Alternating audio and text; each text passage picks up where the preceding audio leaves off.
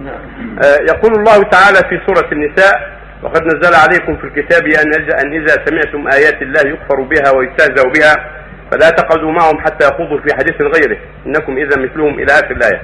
آه، ما معنى الآية وما صفة الاستهزاء والكفر بها؟ وهل معنى ذلك الجلوس مع أهل المعاصي وحضور المنكرات أم ماذا؟ هذه آية تمنع من حضور المؤمن من يخوض في آيات الله وغيرها. وأنه يجب عليه الإعراض عن يعرض عنهم ما عاد يجلس معهم.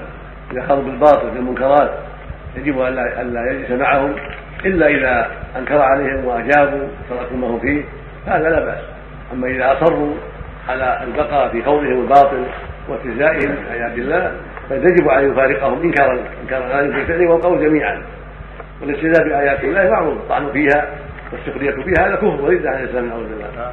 فيجب الحذر من هؤلاء ويجب الإنكار عليهم والتشريع عليهم والرفع بشأنهم إلى ولاة الأمور حتى يردعوا عن باطلهم وحتى يعاملوا بما يجب شرعا. وأما من أعلن المعاصي فهو أقل من ذلك. من أعلن المعاصي دون الشرك دون الشرك دون الاستهزاء فيجب أن ينكر عليه أيضا ويخوف من أمر الله ويحذر. لكن إذا أصر على انكار المعاصي لا يجلس معه أيضا بل يفارق ولا يحضر لأنه الاصل فيه إنكار عليه في القول والفعل جميعا.